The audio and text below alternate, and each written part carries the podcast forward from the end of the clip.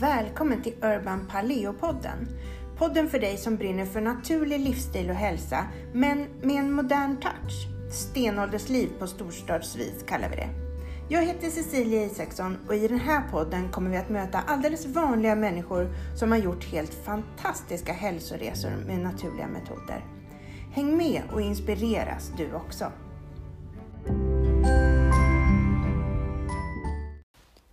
Hej och välkommen till Urban Paleo-podden. Idag tänkte jag berätta för er om min egen utmattning. Ganska många av mina gäster här i podden eh, har ju liksom lidit av utmattning och utbrändhet. Och eh, det är någonting som vi har gemensamt och jag tänkte att jag även skulle dela med mig av min egen historia och min egen utmattning. Ehm, och jag tänker att det här är ju ett sådant område som där det inte riktigt finns en enda orsak eller en enda lösning. Det är ju utmattningssyndrom är ju egentligen ett samlingsnamn för det kan ju vara precis vad som helst som har orsakat utmattningssyndromet. Men symptomen blir eh, liknande. Och och eh, själva spannet för symptom för utmattning är ju enormt. Så att det här är ju ett väldigt, väldigt stort område. Och därför så kan man se att eh, av de som eh, jag har intervjuat här i podden och även bland mina kunder så kan man se att det finns så oerhört många orsaker till att man blir utmattad. För min del eh, så började det hela redan i barndomen.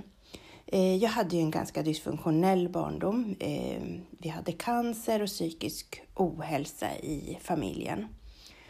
Och det här har ju satt sina spår i mig och eh, sitter kvar än idag förstås. Ehm, jag betar av det lager efter lager, men det finns ju alltid en del av kärnan kvar. Det som har format mig som människa är ju min barndom förstås. Och det som är, eh, som jag tror har varit viktigt för mig att förstå, det är ju att jag har befunnit mig i ett konstant eh, fight or flight eh, läge eh, som barn. Att jag liksom alltid har eh, tassat på tå och eh, varit rädd för eh, att det ska smälla. Och det här eh, gör ju att kroppen lever i ett ja, med konstanta stresshormoner, konstanta nivåer av, av, av stress. Eh, och jag kan tänka mig att min kropp har haft väldigt, väldigt svårt att eh, koppla av det här systemet. Även när jag liksom har slutat befinna mig i de här konstanta fight or flight eh, behovssituationerna ehm, och faktiskt har haft lugn och harmoni så har nog inte min kropp riktigt hängt med på svängarna utan den har liksom fortsatt ehm, stressa. Ehm, omedvetet förstås. Och det här är ju också någonting som liksom har skapat min personlighetstyp och som jag eh, tycker mig se bland många av mina kunder och eh, många av dem som gästar eh, podden också. Det är att ehm, man har en, en slags eh, prestationsprinsessa i sig, eller prestationsprins då ifall det är killar.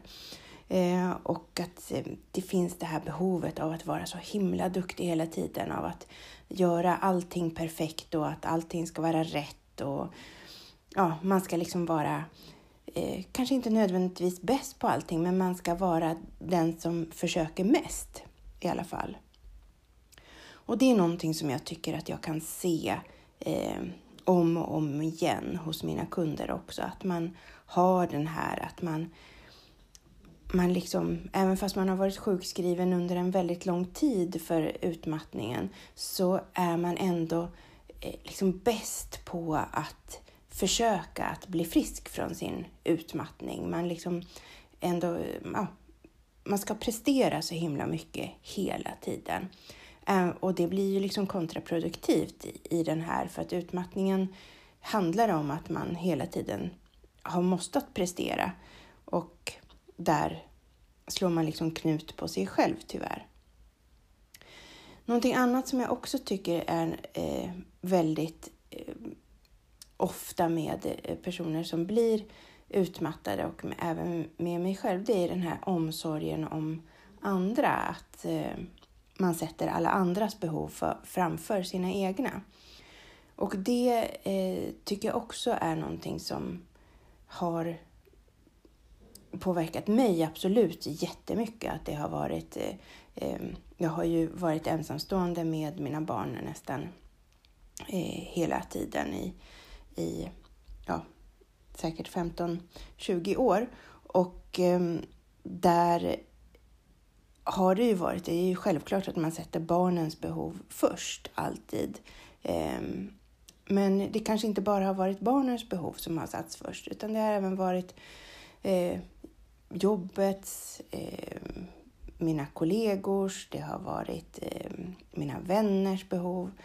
Alla andras behov har liksom fått gå före eh, mina egna. Och det här i längden eh, skapar ju ohälsa i, i kroppen förstås.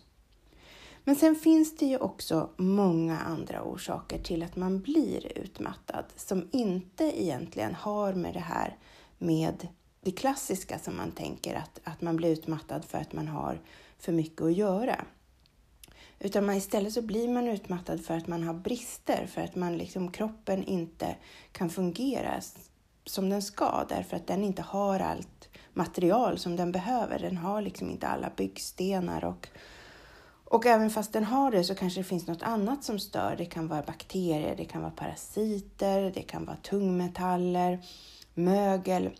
Ja, det finns jättemånga saker som kan sätta sig i våra kroppar och störa eh, och skapa andra sjukdomar också förstås, men även utmattning. Och det här tycker jag är väldigt intressant eh, bland mina kunder när man börjar behandla dem med eh, HKT, med holografisk kinesiologi. Eh, att man kan se exakt faktiskt vad, vad det är som som har varit, vad som påverkar utmattningen och man kan se eh, under eh, över tid, liksom, när man skalar bort och tar bort eh, det som stör och tillsätter eh, det som behövs, så kan man se verkligen på pappret, vad är det som har gjort mig sjuk? Och jag känner att liksom min, min utmattning, det, är har ju satt sig på många olika sätt. Men från början, när jag blev eh, sjuk första gången, när jag blev, liksom, gick in i väggen första gången, ehm, då, då var jag kanske 26 år, tror jag. Och ehm, då kom det som en stor depression. Eh, det var panikångestattacker och det var jag, jag kunde liksom inte inte fortsätta jobba, jag kunde inte fortsätta göra någonting utan jag eh, behövde äta antidepressiv medicin och, och ångestdämpande mediciner eh, för att, att liksom inte ta livet av mig och, och, göra något väldigt drastiskt. Eh, och ehm, där, den, efter den studsen in i väggen så var det faktiskt inte någon som tog tag i mig utan jag fick mediciner och sen så rann det liksom ut i sanden. Det var ingen som följde upp det där. Och eh, till slut så var det så att jag blev gravid och då så slutade jag med medicinerna och klarade mig bra därför att eh, det blev liksom ett, ett nytt skede i livet och, och det funkade. Och sen nästa gång jag gick in i väggen eh, då så satte det sig eh, mera kognitivt, att det blev som att jag inte... Eh, ja, det satte sig på minnet främst. Jag kom inte ihåg saker, jag kom inte ihåg namn, jag kom inte ihåg vad jag skulle göra, jag glömde bort deadlines, jag glömde bort eh, arbetsuppgifter och ja, det gick så, så långt så att jag eh, till slut fick komma till företagshälsan på den arbetsplatsen där jag jobbade. Och där gjorde man ett eh, test där man då eh, skattar eh, sin utmattning och jag fick eh, 42 poäng och man skulle helst inte ha över 19 tror jag det var. Så att eh, jag var ganska illa däran den gången också. Och eh, det som hände då Eh, var väl egentligen att jag eh, fick hjälp förstås från arbetsgivaren att liksom bli av med arbetsuppgifter och fick liksom en, en bättre, en sundare arbetsbörda. Eh, men också så ehm, var det så att jag ehm, sa upp mig till slut och ja, startade eget företag. Och faktiskt nu så gick ju händelserna lite i förväg för att däremellan så hade jag också nämligen en gång när jag precis flyttade hem till Sverige från Spanien och eh, levde ett väldigt, väldigt osäkert, otryggt liv eh, med barnen utan att ha en egentlig bostad och utan att ha ett jobb eller ja, någon, någon trygghet överhuvudtaget. Och jag eh, eh, fick även då den gången kognitiva att jag inte, jag tappade bort mig i min egen hemstad, jag kände inte igen mig, jag visste inte vart jag skulle, när jag skulle liksom, och jag kom inte ihåg vart jag skulle och jag kom inte ihåg vart jag hade varit och jag kom inte ihåg vilken dag det var och jag kom inte ihåg liksom. Så att det, på ett mycket liknande sätt så, så hade det bara några år tidigare eh, varit samma eh, symptom. Och även den gången så det jag gjorde var ju att liksom byta, eh, byta arbete. Jag hade ju inget fast arbete men jag skaffade mig en, en trygg anställning och, och en bostad och då gick det över för den gången. Ehm, eh, och sen så efter eh, att jag startade mitt eget företag här, efter att jag startade Urban Paleo Center. Eh, man kan ju tycka att det kanske inte är helt rätt väg att gå ifall man har tendenser att bli utbränd och att, att, ehm, att för det är ju väldigt, väldigt mycket jobb att, att ha ett eget företag. Eh, ni som har det, ni vet vad jag menar. Det är inte bara att starta upp en hemsida och tro att sen ska alla kunder bara trilla in, utan man måste jobba väldigt mycket för att, att få ihop de kronorna man behöver för att betala sina räkningar. Eh, I alla fall i början. Och eh, jag jobbade verkligen stenhårt de första åren.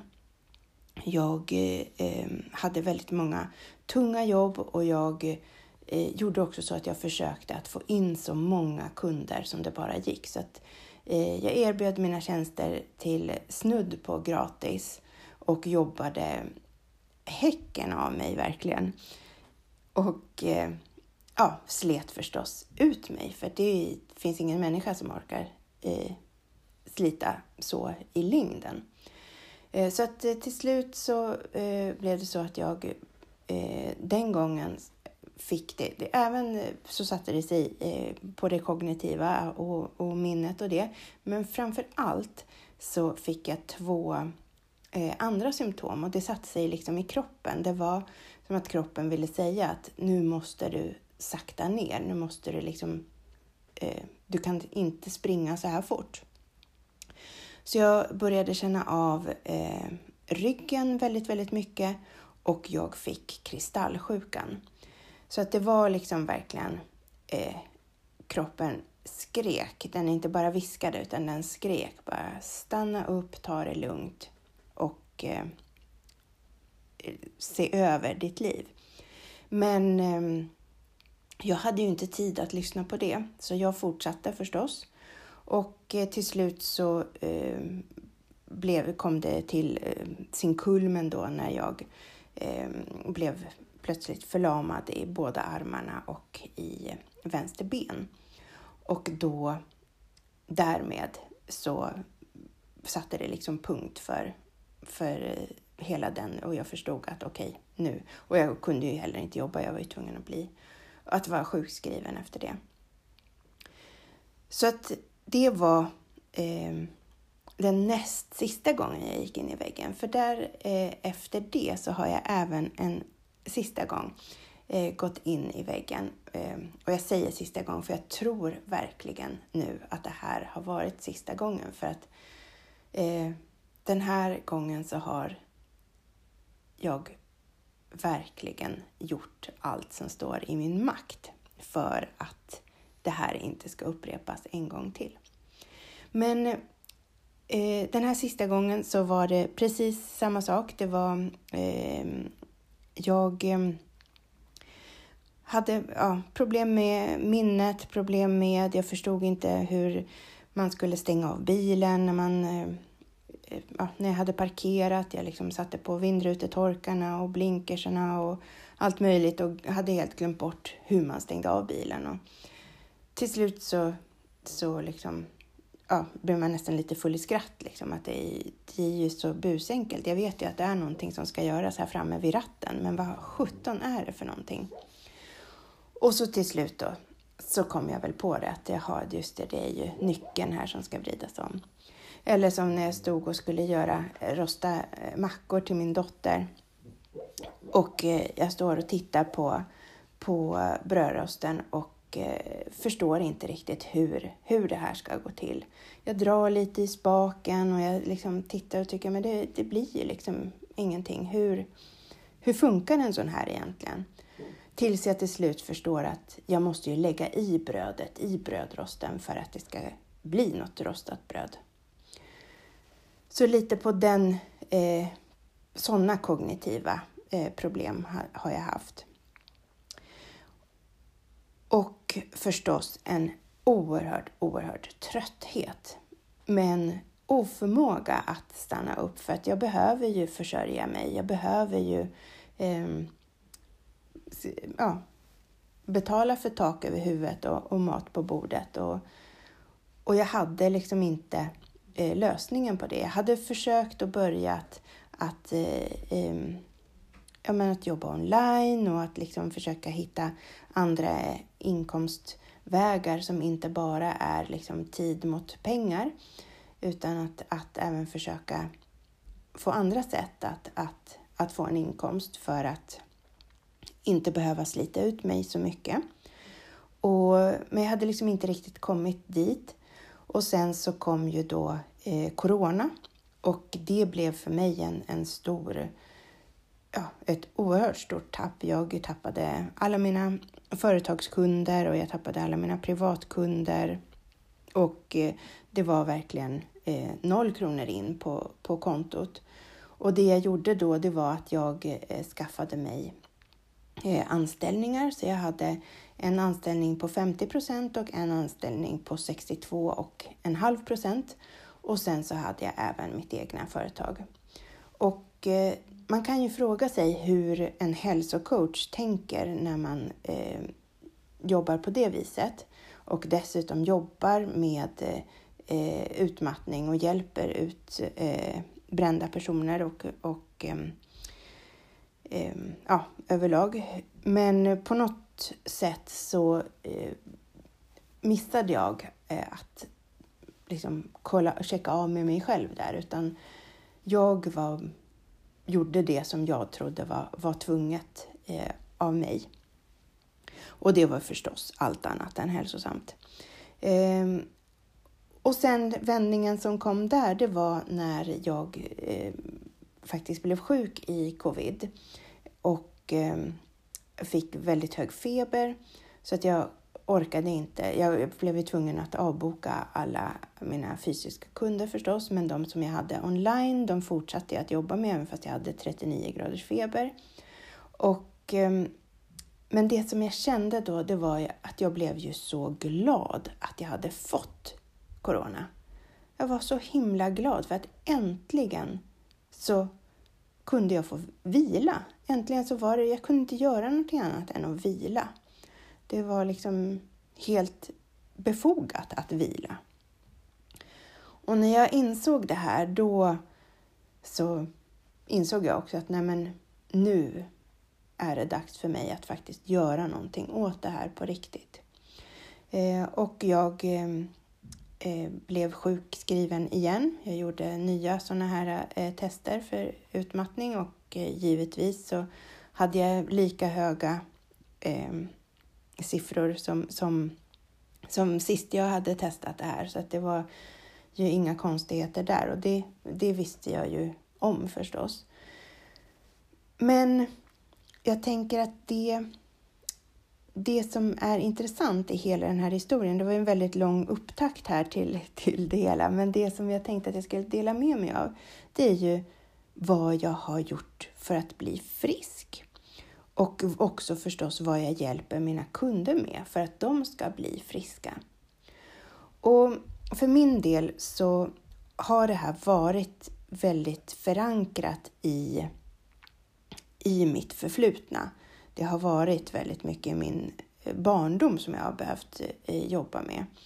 Jag har behövt liksom, ja men, förstå varför jag gör som jag gör gång på gång på gång. Vad det är som, som får mig att hela tiden köra så hårt med mig själv. Det har varit kanske den allra största eh, eh, ja, men insikten eh, här för mig och också någonting som jag tror kommer hjälpa mig att förhindra att, att det här händer i framtiden. Men jag har ju förstås också haft en, Jag har ju en, en väldigt eh, strikt jag har varit väldigt strikt med mig själv med min hälsa. Jag jobbar som hälsocoach. Jag eh, tycker om att vara hälsosam. Jag liksom tycker att det är jätteroligt att eh, testa nya saker. Jag tycker att det är superintressant att läsa om allting. Och det är liksom min, det är min livsstil eh, egentligen. Men det jag också insåg var att det här kan också gå överstyr. Och jag vet att jag brukar säga till mina kunder att, för att det är faktiskt väldigt ofta som mina kunder också är sådana, att de är väldigt duktiga, otroligt disciplinerade och oerhört ja, men stränga med sig själva och strikta. Och jag vet att jag ofta brukar säga att ibland så är det hälsosammaste man kan göra att gå ut och ta en öl med sina kompisar. Och det här är ju någonting som jag själv aldrig riktigt har, har levt, efterlevt. Utan eh, det här är ju någonting som jag har sagt till andra men jag själv har aldrig eh, riktigt anammat det tänket. Utan för mig har det alltid varit självklart att jag ska vara strikt hela tiden. Jag ska liksom inte göra undantag utan jag ska... För att så vill jag ha det. Men under den här eh, utmattningen så insåg jag att jag behövde lätta lite på det. Att jag behövde eh, faktiskt sluta vara så himla hälsosam. Jag behövde börja fuska och börja göra, ja, göra ohälsosamma saker. Bara för att den här prestationsprinsessan och den här duktiga lilla flickan inte skulle få ja, men vara även där, på det området, även liksom på hälsoområdet. Inte bara liksom att, att jobba och prestera på, på jobbet. Nu är ju hälsa mitt jobb, men ehm, ändå att, att jag blev tvungen att, att ta ett steg tillbaka där och faktiskt inte vara så himla duktig hela tiden. Utan istället eh, faktiskt, eh, jag tycker ju till exempel väldigt mycket om choklad. Så att jag, eh, ehm, ja, men jag började äta choklad helt enkelt och jag började eh, ja, men förstås inte sådana saker som jag mår riktigt dåligt av, det åt jag ju inte. Men saker som jag kanske inte eh, brukar äta ändå för att det är inte hälsosamt. Men, men det är kanske inte heller någonting som jag eh, blir jättesjuk av.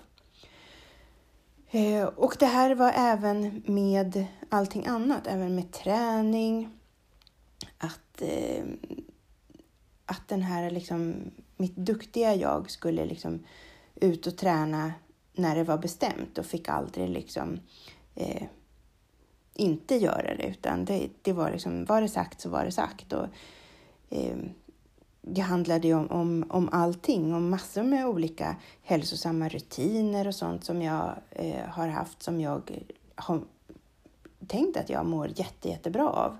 Eh, och det gör jag säkert också. Men om jag gör dem av rätt anledning. Så att där har jag fått jobba mycket med den här liksom duktigheten och, och att prestera. Att ett meditationspass ska liksom inte vara en prestation utan att meditera det är någonting som man bara gör ändå. Det finns ingen prestation i att meditera eller att göra yin-yoga-pass eller något sånt utan det är sånt som man gör för sin egen skull. Och där har jag fått jobba mycket med mig själv för att jag har varit eh, väldigt duktig på att prestera inom hälsa. Så det har varit eh, ett annat område. Så dels så har jag då fått jobba med min barndom och vad jag har med mig där och sen också min inställning till, eh, till hälsa och till, till förstås då också mitt jobb eftersom jag jobbar med hälsa. Um, och sen så har det också varit den här delen som har varit um, med omsorg. Um, som jag tänker att, att, att så många andra också har, att man uh, ser alla andras behov före sina egna. att det också är någonting som, som, som jag har fått jobba mycket med. Och, och, och det här har väl kanske varit en, en, en väldigt stor aha-upplevelse för mig för att eh, på något sätt så har jag insett att det här har varit mitt sätt att göra för att det jag egentligen har velat då är att jag vill att andra ska visa den här omsorgen eh, för mig.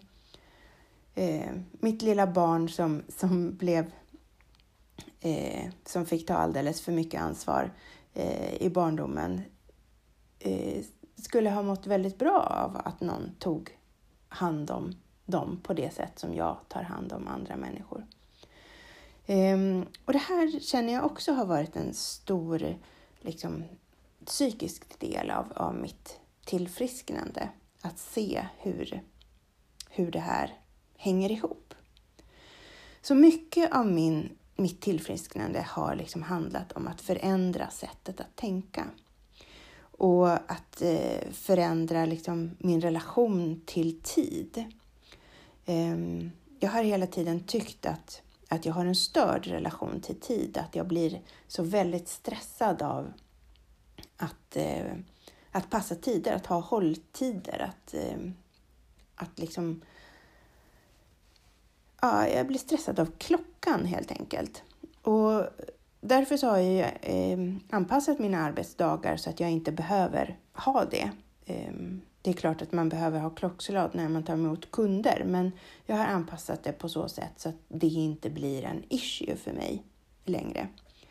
Eh, och det här eh, hade jag gjort för länge sedan, men det som har blivit skillnaden nu, det är att jag på något sätt har kommit till en acceptans till det här att, att jag inte fungerar eh, med tid så som andra människor gör. Att jag, eh, jag behöver mycket mer ställtid än andra. Jag behöver liksom en tid då jag har fritt från intryck, då jag eh, ja, men bara kan få vara.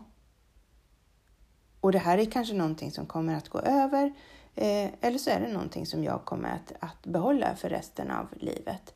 Att alltid planera in ställtid.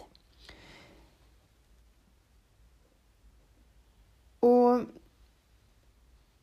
förutom det här då med de här olika sätten att tänka eh, så har jag ju förstås också gjort sånt som jag också råder alla mina eh, kunder till. Det är ju de här att skapa sina rutiner, att alltid gå ut i dagsljus, att alltid få frisk luft. Det spelar ingen roll ifall det spöregnar ute. Ut och andas frisk luft. Att försöka vistas i naturen, att ifall du, inte, ifall du bor mitt i stan så kanske det finns en park. Någonting med, med lite träd. Med ja, växtlighet. För vi behöver det. Vi behöver kontakt med naturen. Vi behöver kontakt med, med jorden. Vi behöver liksom det här för att eh, må bra. Så det är någonting som jag har jobbat mycket med och jag har ju turen att jag har en hund som har varit en, en stor räddning i det hela och verkligen sett till så att jag har kommit ut på mina eh, promenader flera gånger om dagen och verkligen fått tanka dagsljus och tanka luft och tanka natur och liksom bygga upp mig själv på den fronten.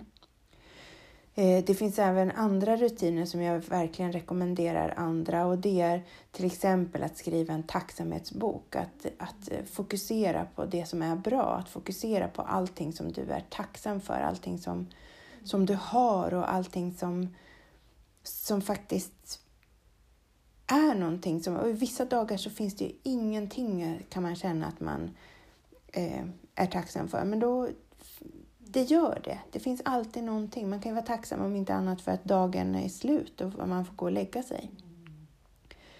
Så det är någonting också, att, taxa, att känna tacksamheten även fast man är sjuk, även fast man liksom inte klarar av någonting, även fast ja, det känns som att allting går emot den.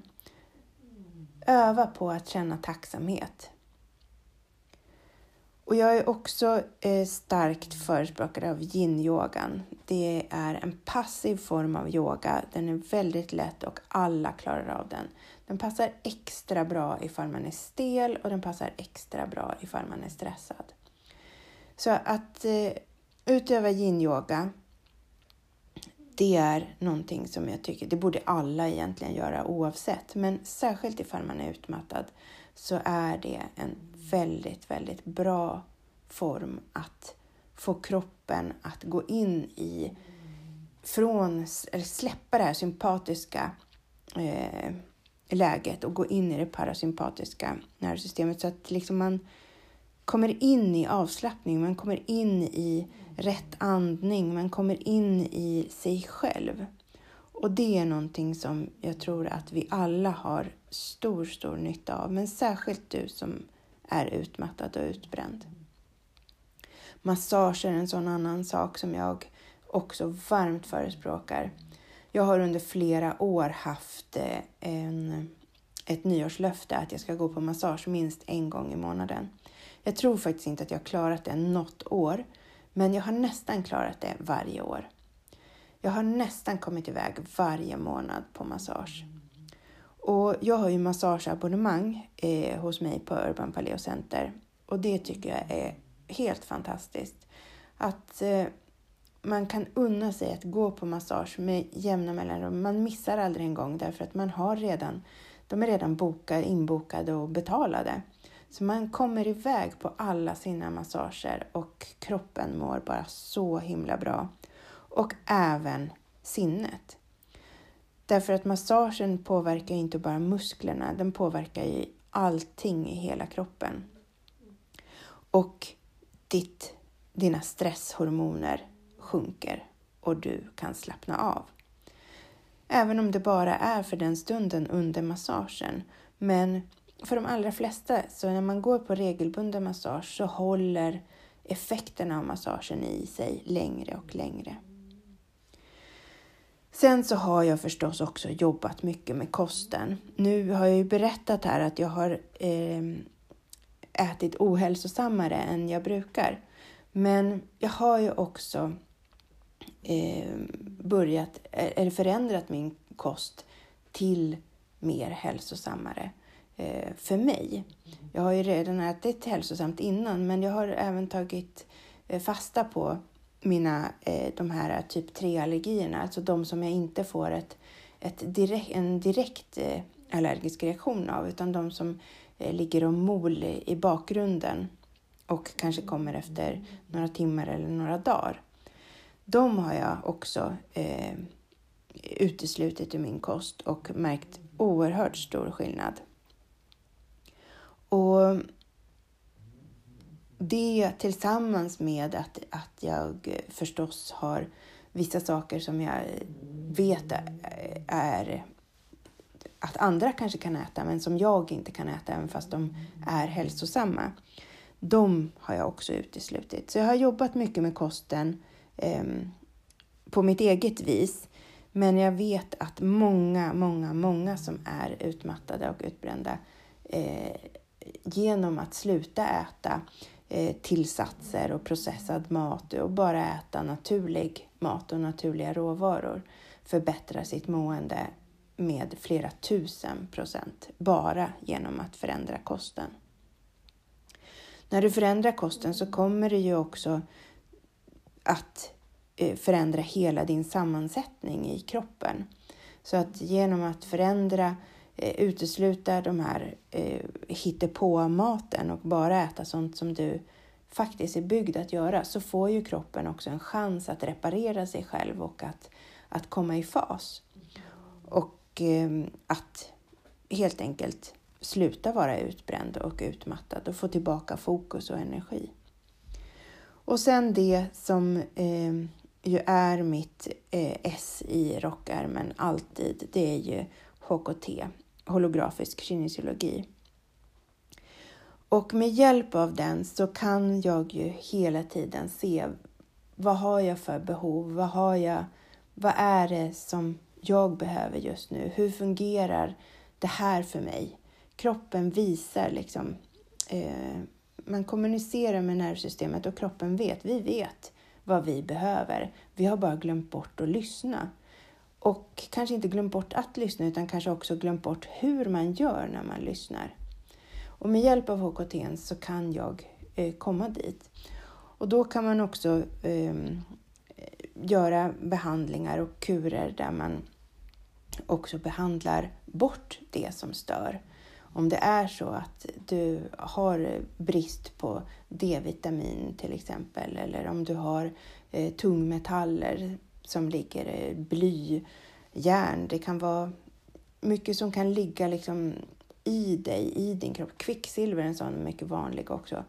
Ehm, att det kan eh, ligga och störa i kroppen som gör att, att du inte klarar av att, att leva normalt och som skapar en utmattning i, i längden när man liksom har det här kvar. Så att det har ju också varit någonting som jag har använt mig mycket av och jag har eh, men rensat ut både det ena och det andra och eh, eh, förstås både rensat ut och tillsatt och byggt upp. För att eh, ofta så är det ju så att eh, om vi rensar ut någonting så är det så att kroppen behöver ju också stöttning för att klara av den utrensningen. Så mycket näring eh, är förstås jätteviktigt, men också att få till den här balansen i kroppen så att kroppen förstår vad den ska hålla på med, vad det är som är prio för den och vad den behöver eh, fokusera på. Så med hjälp av alla de här sakerna så har jag nu lyckats skaffa mig ett läge där jag känner att jag är stark, där jag känner att jag har koll på vad jag behöver titta efter i framtiden. Jag vet vad det är jag ska lyssna på och det är möjligt att det finns många saker som jag kanske har missat som kommer att komma i framtiden. Men jag känner att jag har ett helt annat utgångsläge den här, efter den här instudsningen i väggen än mina tidigare eh, gånger. Därför att jag nu verkligen har jobbat med att eh, bli frisk, att det här inte ska hända igen. Eh, jag brukar ju avsluta varje eh, poddavsnitt med att fråga om du fick välja bara en sak eh, som har hjälpt dig att, eh, att förbättra din hälsa. Vad skulle du välja då? Och här så skulle jag vilja säga att det som jag skulle välja som har hjälpt mig mest med att eh, komma ur min utmattning, det har varit att jag har sökt hjälp. Jag har tagit hjälp med att eh, komma till rätta med eh, mina eh, omedvetna handlingar och med mitt omedvetna helt enkelt. Och det har varit av allra, allra största eh, betydelse för mig. Och jag tänker om du har haft en utmattning eller kanske har en utmattning eller är rädd att du är på väg in i en utmattning. Vad är det du skulle behöva göra nu? Vad skulle du behöva lyssna på din kropp just nu för att kanske undvika det här? Undvika att eh, komma tillbaka eller undvika att det blir värre eller undvika att, att eh, komma in i en utmattning. Vad är det du skulle behöva göra? Och vem skulle du behöva be om hjälp?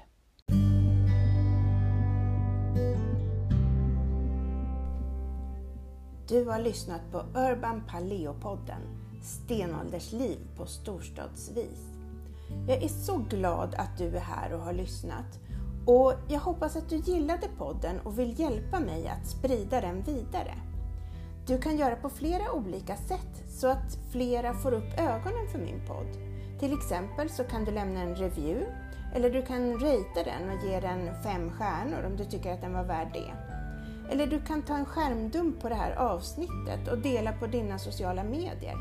Tagga gärna mig då. Det heter Urban Paleo C på Instagram och Urban Paleo Center på Facebook. Men än en gång, tack för att du lyssnar och tack för att du hjälper mig att sprida Urban Paleo-podden vidare.